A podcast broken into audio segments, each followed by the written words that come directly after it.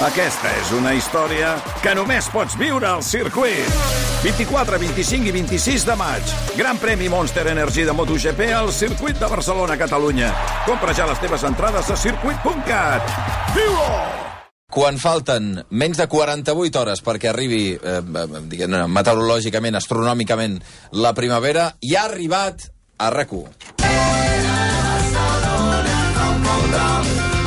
Hola, Santi Jiménez. Què tal, Xavi? Què tal? Molt, molt primaveral, tu. És una persona, soc, vaja. Soc, jo sóc un primavera. Què tal, Malcom Otero? Soc un primavera. A veure, eh, des d'ara mateix, tothom, eh, ja heu vist que està tot l'estudi ple de flors i plantes, hi ha un llimoner per allà, hi ha Sí, un sí, kumquat. eh, Un, kumquat és un, un kumquat, que és un cotxe, no? No. Que és, com una moto amb quatre rodes. És un mandarí, és com una mena de, lli- de com es diu, de taronger... De la. Xina, sí, sí. Eh, xinès Es o... menja? Sí. Es menja, es menja. A l'arbre, també. No. No, el primer que ha preguntat el, Hi ha un el, taronger per allà petit, també. sí, el primer que ha preguntat el, el Santi és qui s'ha mort. No!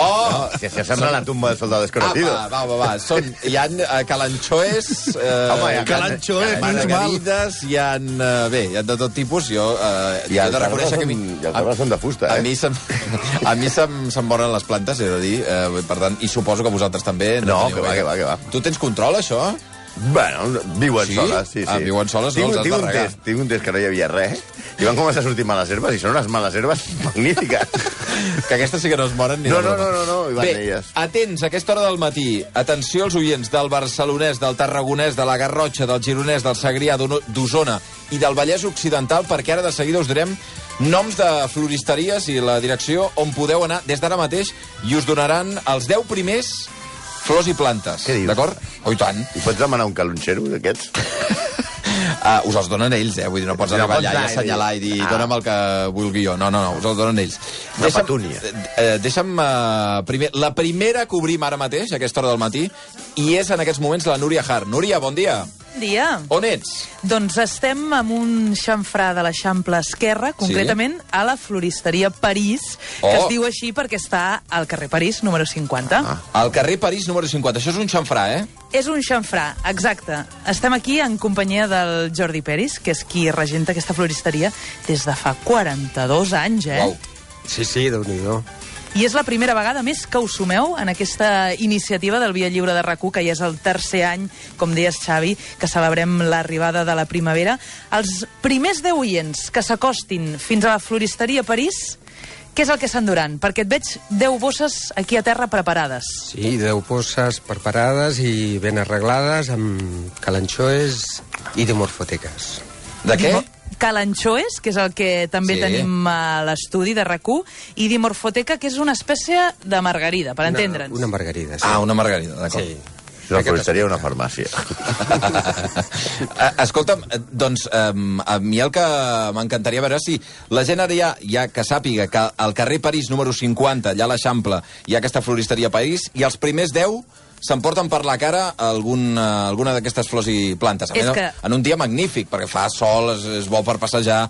Ma- ma- Espectacular. brutal. Sí, sí, el que et volia dir és que la gent ni s'espera que anunciï res, perquè a més, com nosaltres anem amb la unitat mòbil de rac que Sí. se'ns veu, que som de la ràdio, Sí. i ha vingut un senyor i ha dit, perdona, això de les plantes, eh, on ho aquí? fareu? A És quina hora aquí? és? És no, aquí? escolta, escolta la ràdio, estigue't atent, que ho explicarem a partir de dos quarts d'onze. Home, per tota la gent que viu a la ciutat de Barcelona, si veieu la unitat mòbil, perseguiu-la, perquè ja sabeu que anirà a parar a alguna floristeria.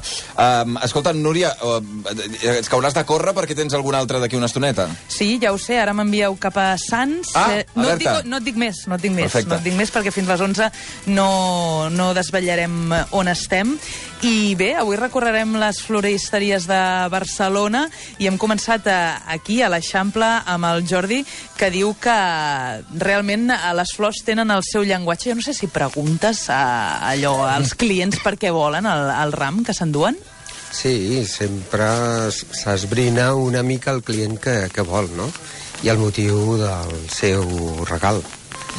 I, evidentment, doncs, és una de les preguntes que s'ha de fer i, bueno, mm, no sé... eh, Quan hem arribat estava amb un senyor que, a més, avui feia 89 anys i venia a buscar un ram de quatre roses, però no era per ell, no era pel seu aniversari, sinó era per fer una ofrena a la seva parròquia que la seva dona fa cada 3 o 4 dies. Per tant, déu nhi la inversió en flors, escolta. No sé si és molt habitual que encara es facin ofrenes eh, al 2017. Jo m'he quedat bastant parada.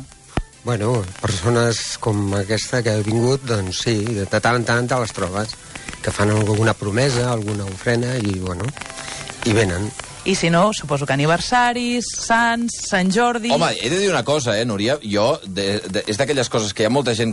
que jo els hi faria la pregunta, quant temps fa que no compreu unes uh, flors, unes plantes per regalar a algú? Que és una d'aquelles coses que et sorprenen a vegades si t'ho si porten a casa. I, I, home, que sempre és un regal magnífic. A més a més, en un dia que, uh, en fi, que, que, és, uh, que fa sol, que està a punt de sortir la, la, arribar la primavera, que hem d'omplir balcons i terrasses d'una mica de vida. Escolta, Núria, et, et deixo perquè has d'anar corrent, eh? Sí, ja me'n vaig ràpid. Escolta. Saluda el Jordi. Molt bé, fins una, ara. Una abraçada. Recordeu, eh? Al carrer París número 50, la floristeria París, els primers 10 que hi arribin s'emporten flors i plantes. En tenim més. A Barcelona també, a les Corts. Si viviu a les Corts o hi sou a prop, la floristeria La Planteta, al carrer Sabino de Arana, número 12. Si aneu, el Dan Collado també us entregarà eh, els primers 10 flors i plantes. A, la, a Sant Andreu, a la floristeria Iris, al carrer Gran de Sant Andreu, número 223. Insisteixo, floristeria Iris de Sant Andreu. Ara ens movem al Catllà, al Garden Tapioles del grup La Rasa, la carretera T203, quilòmetre 1. També, eh, si aneu de part del Via Lliure, us regalaran flors i plantes. A Torredembarra, a Flors La Rasa del grup La Rasa del carrer Antoni Roig, número 73. També hi ha aquesta floristeria i també us, uh, us ho podeu endur. Si us aneu, uh, si us n'aneu fins a Girona, al carrer Creu, número 42, hi ha la floristeria Humel. Al carrer Creu número 42, floristeria Humel, també. A Lleida, oients des de Lleida, la floristeria Art Floral a l'Avinguda Alcalde Requesens 29. Alcalde Requesens 29, la floristeria Art Floral. Si aneu a Vic, a la ronda Camprodon número 8 hi ha Aràlia Flors. Si sou a Badalona, l'Avinguda President Companys 1, a la floristeria Josep Maria Ventura, també. I l'última d'aquesta hora, de moment, a Sant Cugat del Vallès, la, al carrer Rambla del, a la Rambla del Celler número 15, el nou Flors i Plantes del Vallès. Recordeu, eh? Recordeu, el, a Barcelona, Floristeria París, a la Planteta, la Floristeria Iris, al Catllà, al Garden Tapioles, a Torredembarra, a Torredembarra, les Flors La Rasa, també, a, en aquest cas, a Girona, la Floristeria Humel, a Lleida, la Floristeria Art Floral, a Vic, Aràlia Flors, i a Badalona, la floristeria Josep Maria Ventura, i a Sant Cugat del Vallès, nou flors eh, i plantes del Vallès. Per cert, n'afegim una altra. A Olot, la casa Carlicus al carrer Castellà i Lloberes número 2. I això, al llarg del matí, anirem regalant flors i plantes. Si veniu també a l'estudi, us en emportareu. Quin és el calatge 12... de, de totes aquestes? Uh, la que tu vulguis. No 12 tens minuts i les 11 del, del matí. Au village sans prétention, j'ai mauvaise Sí que sou uns execrables. De Però, no, però la veritat, no saps quin és el calatxo, bo? Sí, el calanxoe. És aquest aquí, mira. És aquest, el calanxoe. Uh, hosti, sí que té cara de calanxó. Sí, algú deia de caranxoa, exacte. Ah, bé. Bé, eh, els dos agres eh, que venen a enfonsar-nos la festa de la primavera. Que bonica és la primavera, eh? Sí, perdona. No, no, tu- no, no. Que ets, que ets uh, al·lèrgic. Ah, què? Ah, bueno... No, no, el, el pol·len i tot això. No, el pol·len no. Veus? No, no, Doncs que no preguntis més. Llavors, llavors t'ha d'agradar la, la primavera. Bé, eh, d'aquí a poc ja serà Sant Jordi, això ja fa baixada, eh? ens anem cap a l'estiu. Bé, avui Quin quin, horror, quin, l'estiu. execrable, quin execrable heu triat? Oh, i un home molt, admirat, com tots els que fem, no? De fet, pels nord-americans, sense anar més lluny, es tracta de la tercera persona en importància del segle XX, després de Martin Luther King i la mare Teresa de Calcuta, però com aquesta ja la vam pentinar i li vam donar per dalt i per, dalt, per dret i pel revés, pues anem a pel tercer, no? Un fals heroi de guerra, un nen pijo, capritxós, un polític més que qüestionable, un formidable demagog, un assetjador sexual, un mal amic, un aprofitat, una persona que va construir el seu mite entorn a una mort tràgica que comportava un misteri de pel·lícula. Què dic de pel·lícula? De pel·lícules, de llibres, de- d'enciclopèdies. Avui parlarem de John Fitzgerald Kennedy. Ens voleu ensorrar l'emissora. A començar amb el Ted Kennedy, que avançar. Això no Ja, sé ja. si és molt de primavera, però m'agrada molt els, Primavera, els primavera. Kennedys. És terrible, això. A veure, què m'heu de dir? No, Ja- Jack Kennedy era el fill d'un dels homes més rics i corruptes, com veurem després dels Estats Units. Un nen pijo que es va criar en una mansió de 21 habitacions, que encara que potser li feien falta perquè eren nou germans. I el seu avi matern era l'alcalde de Boston. El seu pare sempre va tenir l'obsessió de que un dels seus nens arribés a ser president dels Estats Units i per això, per això els hi va dissenyar una carrera a mida.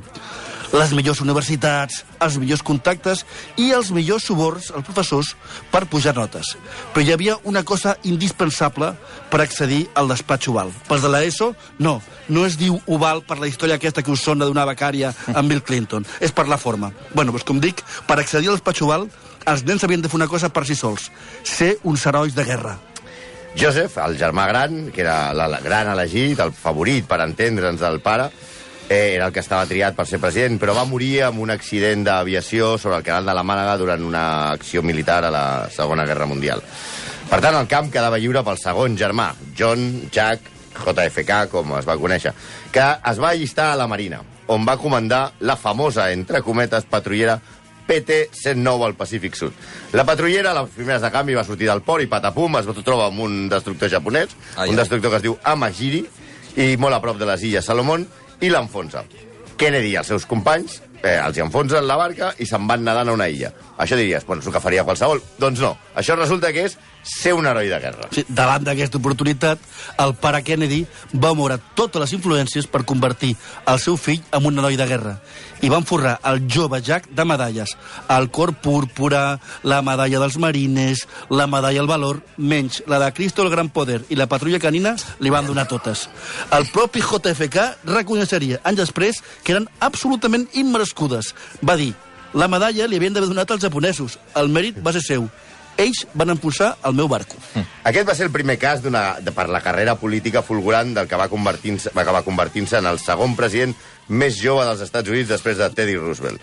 Un mandat de 3 anys que s'ha mitificat extraordinàriament. Existeix la creença, molt, molt estesa, de que el mandat de Kennedy, Kennedy va ser eh, com, com Pocoyo i un, un, una mena de Bambi eh, fent de president dels Estats Units, però això no és ben bé així, eh? Mireu, sota la seva administració, la CIA va preparar la fracassada i matussera invasió de Cuba per Bahia Cochinos, Sí. que pels de l'ESO no és un programa a la MTV en plan Gandhi, això. No. Bahia Cochinos és una altra cosa.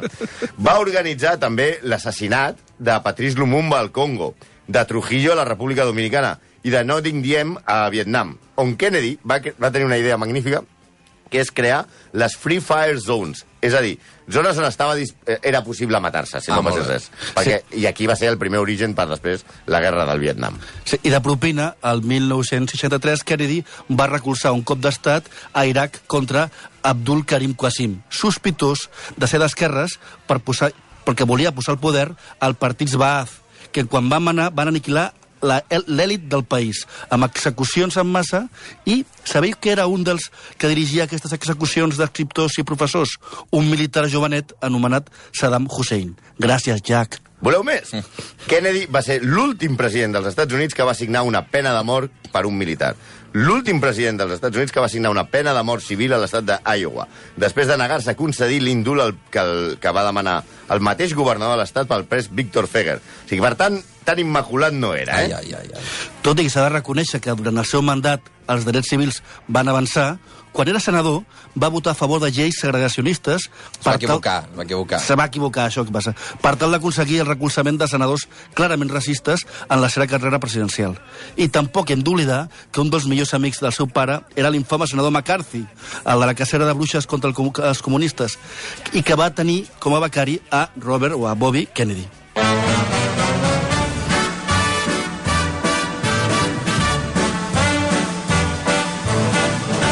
I know I'd go from rags to riches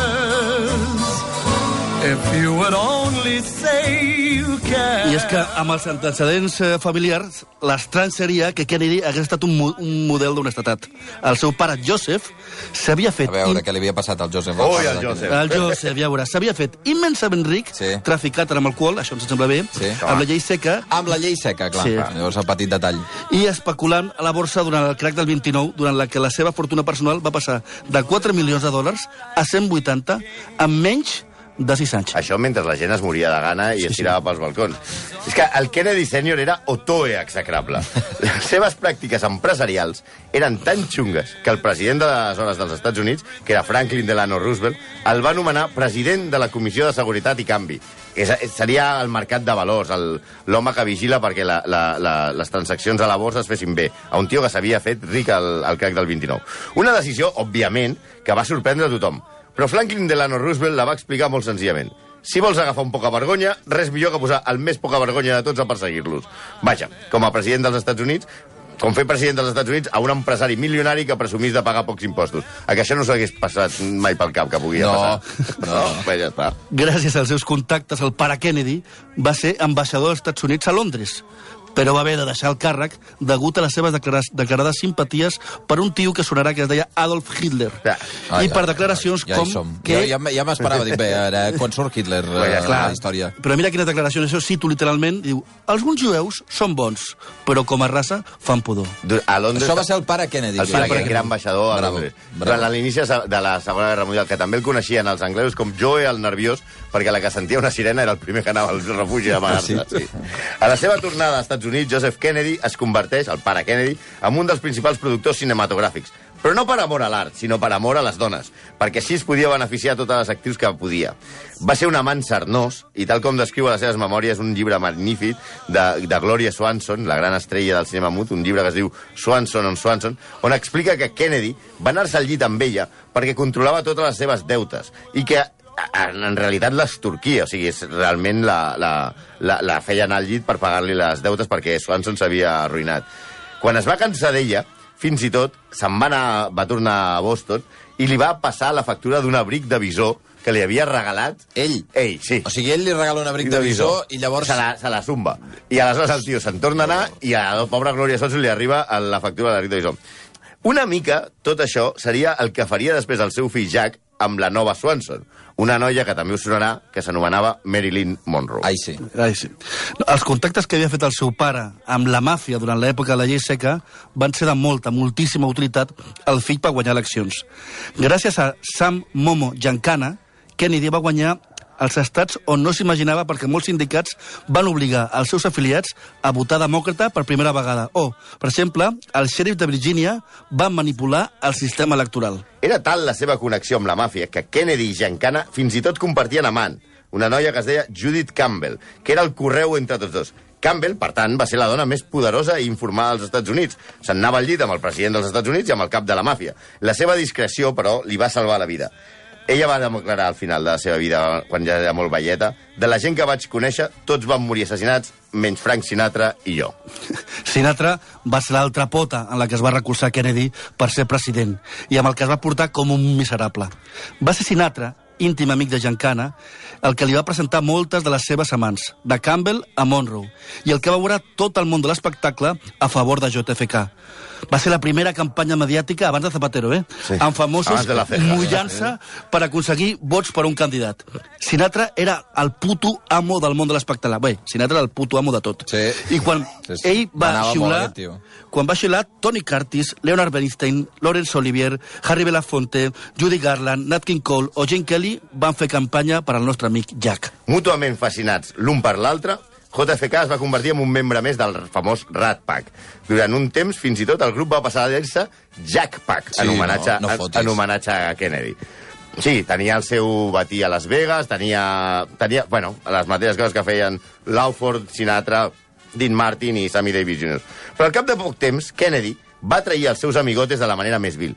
Primer, li va demanar a Sammy Davis Jr. que ajornés la seva boda amb una moneda sueca fins després de les eleccions, perquè ser un matrimoni interracial, això el podia perjudicar de cara a les eleccions. I, i l'altre va dir que sí? Sí, Sí. Ah, molt bé, molt I bé. va, va acabar casant-se després de les eleccions. Amb una, amb una altra noia, no. no. Quan va ser president i va nomenar fiscal general el seu germà, va començar a perseguir els mateixos mafiosos que li havien fet president. Giancana, que havia ajudat a, a JFK, principalment, perquè li havia demanat Sinatra que, que es va emprenyar moltíssim. Ta- Tant es, es va emprenyar Giancana que va estar a punt de matar Frank Sinatra. Ai, ai, ai. Sí, sí, sí, va, perquè es va emprenyar plans per, moltíssim. per assassinar Frank Sinatra. El que passa que ell va dir Déu no m'ha donat permís per arruïnar, per arruïnar una veu com aquesta. Va dir el mafiós. De la nit al dia, Kennedy va deixar de trucar i de parlar amb Sinatra. El que fins i tot li va deixar plantat en unes vacances que havia de passar a casa seva a Palm Springs. Sinatra havia fet obres a la seva mansió per acollir el president i havia construït fins i tot un heliport. I JFK que no, que no, va- que no va aparèixer, no es va Però presentar. el que de veritat va doldre Sinatra era la manera com els Kennedy, els dos, Robert i Jack, tractaven a Marilyn Monroe, del, que estava realment enamorada dels dos. També era una, una dona molt feble, i Sinatra, quan veia una dona en, en, en problemes, sempre anava, anava amb ella. A, a, Marilyn, els Kennedy la van anul·lar com en persona i la van arribar portant fins, a, fins al suïcidi i a la depressió. Fins i tot Sinatra va, passar, va pensar en casar-se amb Marilyn Monroe quan ella estava pitjor perquè li va dir, si ets la senyora Sinatra, ningú s'atrevirà a fer-te mal. Després d'una visita a, a, a Marilyn, en què Sinatra la veu fatal d'ànims per culpa d'una nova putada de, de Jack Kennedy, va voler reconciliar-se amb Sinatra, Kennedy, i el va invitar a dinar a la Casa Blanca. Sí, és, era molt gran, Sinatra. Cinc minuts abans de, de la cita, Sí. la veu, truca a la Casa Blanca i diu que no pot anar, que està refredat. Ai. El cap de gabinet del, del president dels Estats Units diu ningú anul·la un dinar amb el president dels Estats Units per un refredat. Sinatra ja li havia penjat el telèfon. Ja sabeu el que es deia de Sinatra, no? Què? Metre i mig. Metre d'alçada, mig. Vinga. Uh, o sigui, perdona, va penjar... El president dels Estats Déu-n'hi-do. O sigui, el va deixar penjat, però també va penjar a la persona amb qui havia Sí, parlat sí. a la Casa Blanca. És el Excel·lent, eh? Excel·lent. És el millor. Sinatra. Camelot. Clar, i direu, per què Camelot? Perquè quan JFK i la seva dona, Jacqueline Bouvier, Bouvier van entrar a la Casa Blanca, van convertir-se en la parella de moda del món. Eren com estrelles de cinema o de la música. Eren el glamour personalitzat. De fet, en aquella època, la Casa Blanca va passar a ser coneguda com Camelot, perquè suposadament era el regne de la felicitat. Res més lluny de la realitat. El que de veritat s'assemblava a la Casa Blanca era el Bagdad del paral·lel. Les infidelitats d'un i de l'altre eren constants. Sí, eren orgies i, i, i portes i tothom, tothom al llit. Molt abans que Clinton, Kennedy ja practicava el becairing, que és això d'agafar les becàries i beneficiar-se. Ai, va, home, va, Per passa. exemple, Mimi Alford, becària de la Casa Blanca, va reconèixer anys després que havia perdut la virginitat amb els, en 19 anys amb el president a l'habitació privada de Jackie i que fins i tot JFK, amb un acte de solidaritat amb els seus companys, li va demanar que li fes una mamada davant seu Va, vinga, a Dave vinga. Powers, Això un dels seus que de assistents, debò, eh? per treure-li l'atenció, que el va veure com una Sou mica... un, sou un desastre. Som un desastre, professional, Hem arribat aquí a la primavera i... No, Home, igual era primavera. Sí, mira, també, també Ara que és primavera, mira, fes-li Fes la un totoe. Vinga, no, no toe, sí. la, va. la, l'obsessió de Kennedy pel sexe era malaltissa. I que nosaltres diem això dona mida de la magnitud del Sí, problema. perquè nosaltres realment també estem bastant malalts Sí, pel tema. sí, eh, un dia, Ho he notat. un dia li va comentar al primer ministre britànic Macmillan que si estava tres dies sense fer l'amor, li entrava mal de cap. El més curiós de tot és que la seva dona i la majoria de les seves amants comentaven que era un pèssim amant. Segons va explicar Jackie al seu metge Frank Finnerty, el seu estil consisteix en fer-ho molt ràpid i quedar-se dormit. Mira, això és molt bo. En termes similars es va expressar Marlene Dietrich, la mítica de Marlene Sí. Dietrich, a la que JFK va convidar a la Casa Blanca quan la diva ja tenia 61 anys. Després de dinar, ella li diu que té pressa perquè ha d'assistir a un homenatge que li feien la comunitat jueva pel seu compromís per defensar-los durant la Segona Guerra Mundial. Molt romàntic, JFK li diu, home, doncs si tens pressa, doncs no sembla que tinguem massa temps. Passa cap, a, ca- passa cap al llit. Què dius? Sí, se l'endú un dormitori, sí. Kennedy tenia 46 anys, Marlene 61. Se'l van dur a un dormitori i van intercanviar fluids. Sí. I aleshores Dietrich va comentar un amic anys després de... La cosa tampoc va ser res de l'altre món, eh? Quan en Bata la va acompanyar Kennedy a Marlene Dietrich a l'ascensor, Jack li va preguntar si era cert el rumor de que havia estat l'amant del seu pare quan estava... Quan El es pare dedica- de- de Kennedy. JFK? Sí, quan ella es dedicava al negoci al cinema. Ella li va mentir, perquè sí que s'havia anat al llit amb el pare de Kennedy Sí. i li va dir, li va dir que no. I ell va respondre, com a mínim, aquí he entrat jo primer. Va, home, va. un cavaller. Un desastre. Hosti, Concretament, de Camelot. Tu. Hosti, tu. És clar que ella, tampoc, Jackie vull dir, tampoc es quedava enrere perquè també va tenir Otoe amants. De William Holden a Gianni Agnelli, passar per Marlon Brando. Malgrat la imatge de matrimoni perfecte, la relació entre tots dos era gairebé inexistent. De fet, a moltes biografies expliquen que quan JFK és assassinat, Jackie estava embolicada amb el seu germà Robert, que en una parafília bastant estranya sempre volia estar amb les dones que anava deixant Jack perquè a Merlin també li va passar una Ah, cosa sí, semblant. anava quedant el que... Sí, home, el ell intentava germà. tirar-se-les del seu pare Ah. i el seu germà les seves. Això de debò, eh? Això és molt, molt heavy. A Jackie mai li van preocupar les amants del seu marit, a excepció una, Marilyn Monroe. En un dels millors llibres escrits sobre la parella, on es diu The Final, The Final Year of Jack and Jackie, de Christopher Anderson, s'explica que un dia Marilyn Monroe, molt deprimida, va trucar a la Casa Blanca, va demanar per Jackie i li va dir, per telèfon directament, que el seu marit estava disposat a divorciar-se d'ella per casar-se amb Marilyn.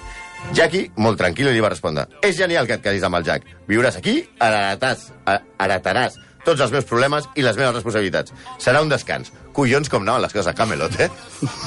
From Dallas, Texas, the flash, apparently official, President Kennedy died at 1 Aquesta és la, la notícia... La mítica... Arribem, arribem de- finalment al 22 de, de novembre del 63 a Elm Street, per cert, que també es diu que és Barrio Sésamo, de Dallas, que és quan acaba tot. O Emirat comença el mite amb el que el món, en estat de xoc després de l'anunci de que acabem de sentir de Walker Cronkite a un butlletí de la CBS que va interrompre el serial que feien a la tele a aquell moment. Kennedy havia estat eh, assassinat i començava un dels grans misteris Bé, de la humanitat. Que no s'ha resolt, encara. A veure, les teories conspiratives sobre l'autoria de l'atemptat ens portarien a fer una marató radiofònica Sí, no. que no estem disposats a fer. Ni un programa especial d'aquests de que es casca el Basté cada No, tres mesos no, no donaria truquem per parlar d'una part ínfima de les teories que s'han formulat respecte al magnicidi de Dallas. Però, home, alguna n'hauré recollit? Hem recollit unes quantes que són les que ens fan més gràcia. D'entrada, lògicament, la meva favorita és la que assegura que, com Elvis, JFK no va morir a Dallas Ah, això i sí. que tot va ser un muntatge per sortir a la circulació. I que a vegades te'l trob, te'l pots trobar en una gasolinera, no? Exacte, i que està amb Marilyn i amb, i, amb, i amb Elvis. Aquesta teoria s'anomena la teoria de l'altre JFK. Està formulada per un senyor que es deia Robert Morningstar, que assegura que el mort de Dallas era un doble, concretament un policia anomenat J.D. Tippit, que tenia una sorprenent semblança al president.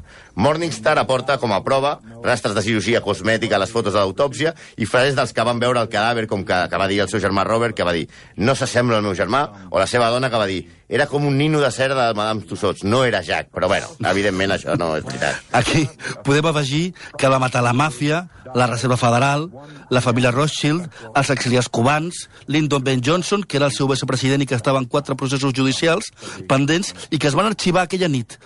Eh, els, les petrolers de Texas, la CIA, Edgar Hoover, l'FBI... Tot, tot, tot, tothom aquí s'ha Sí, sí, explicat. aquí el, el toro que mató Manolet, eh? I fins i tot hi ha una teoria que diu a l'estat d'Israel. Aquesta teoria també és una que de les nostres favorites.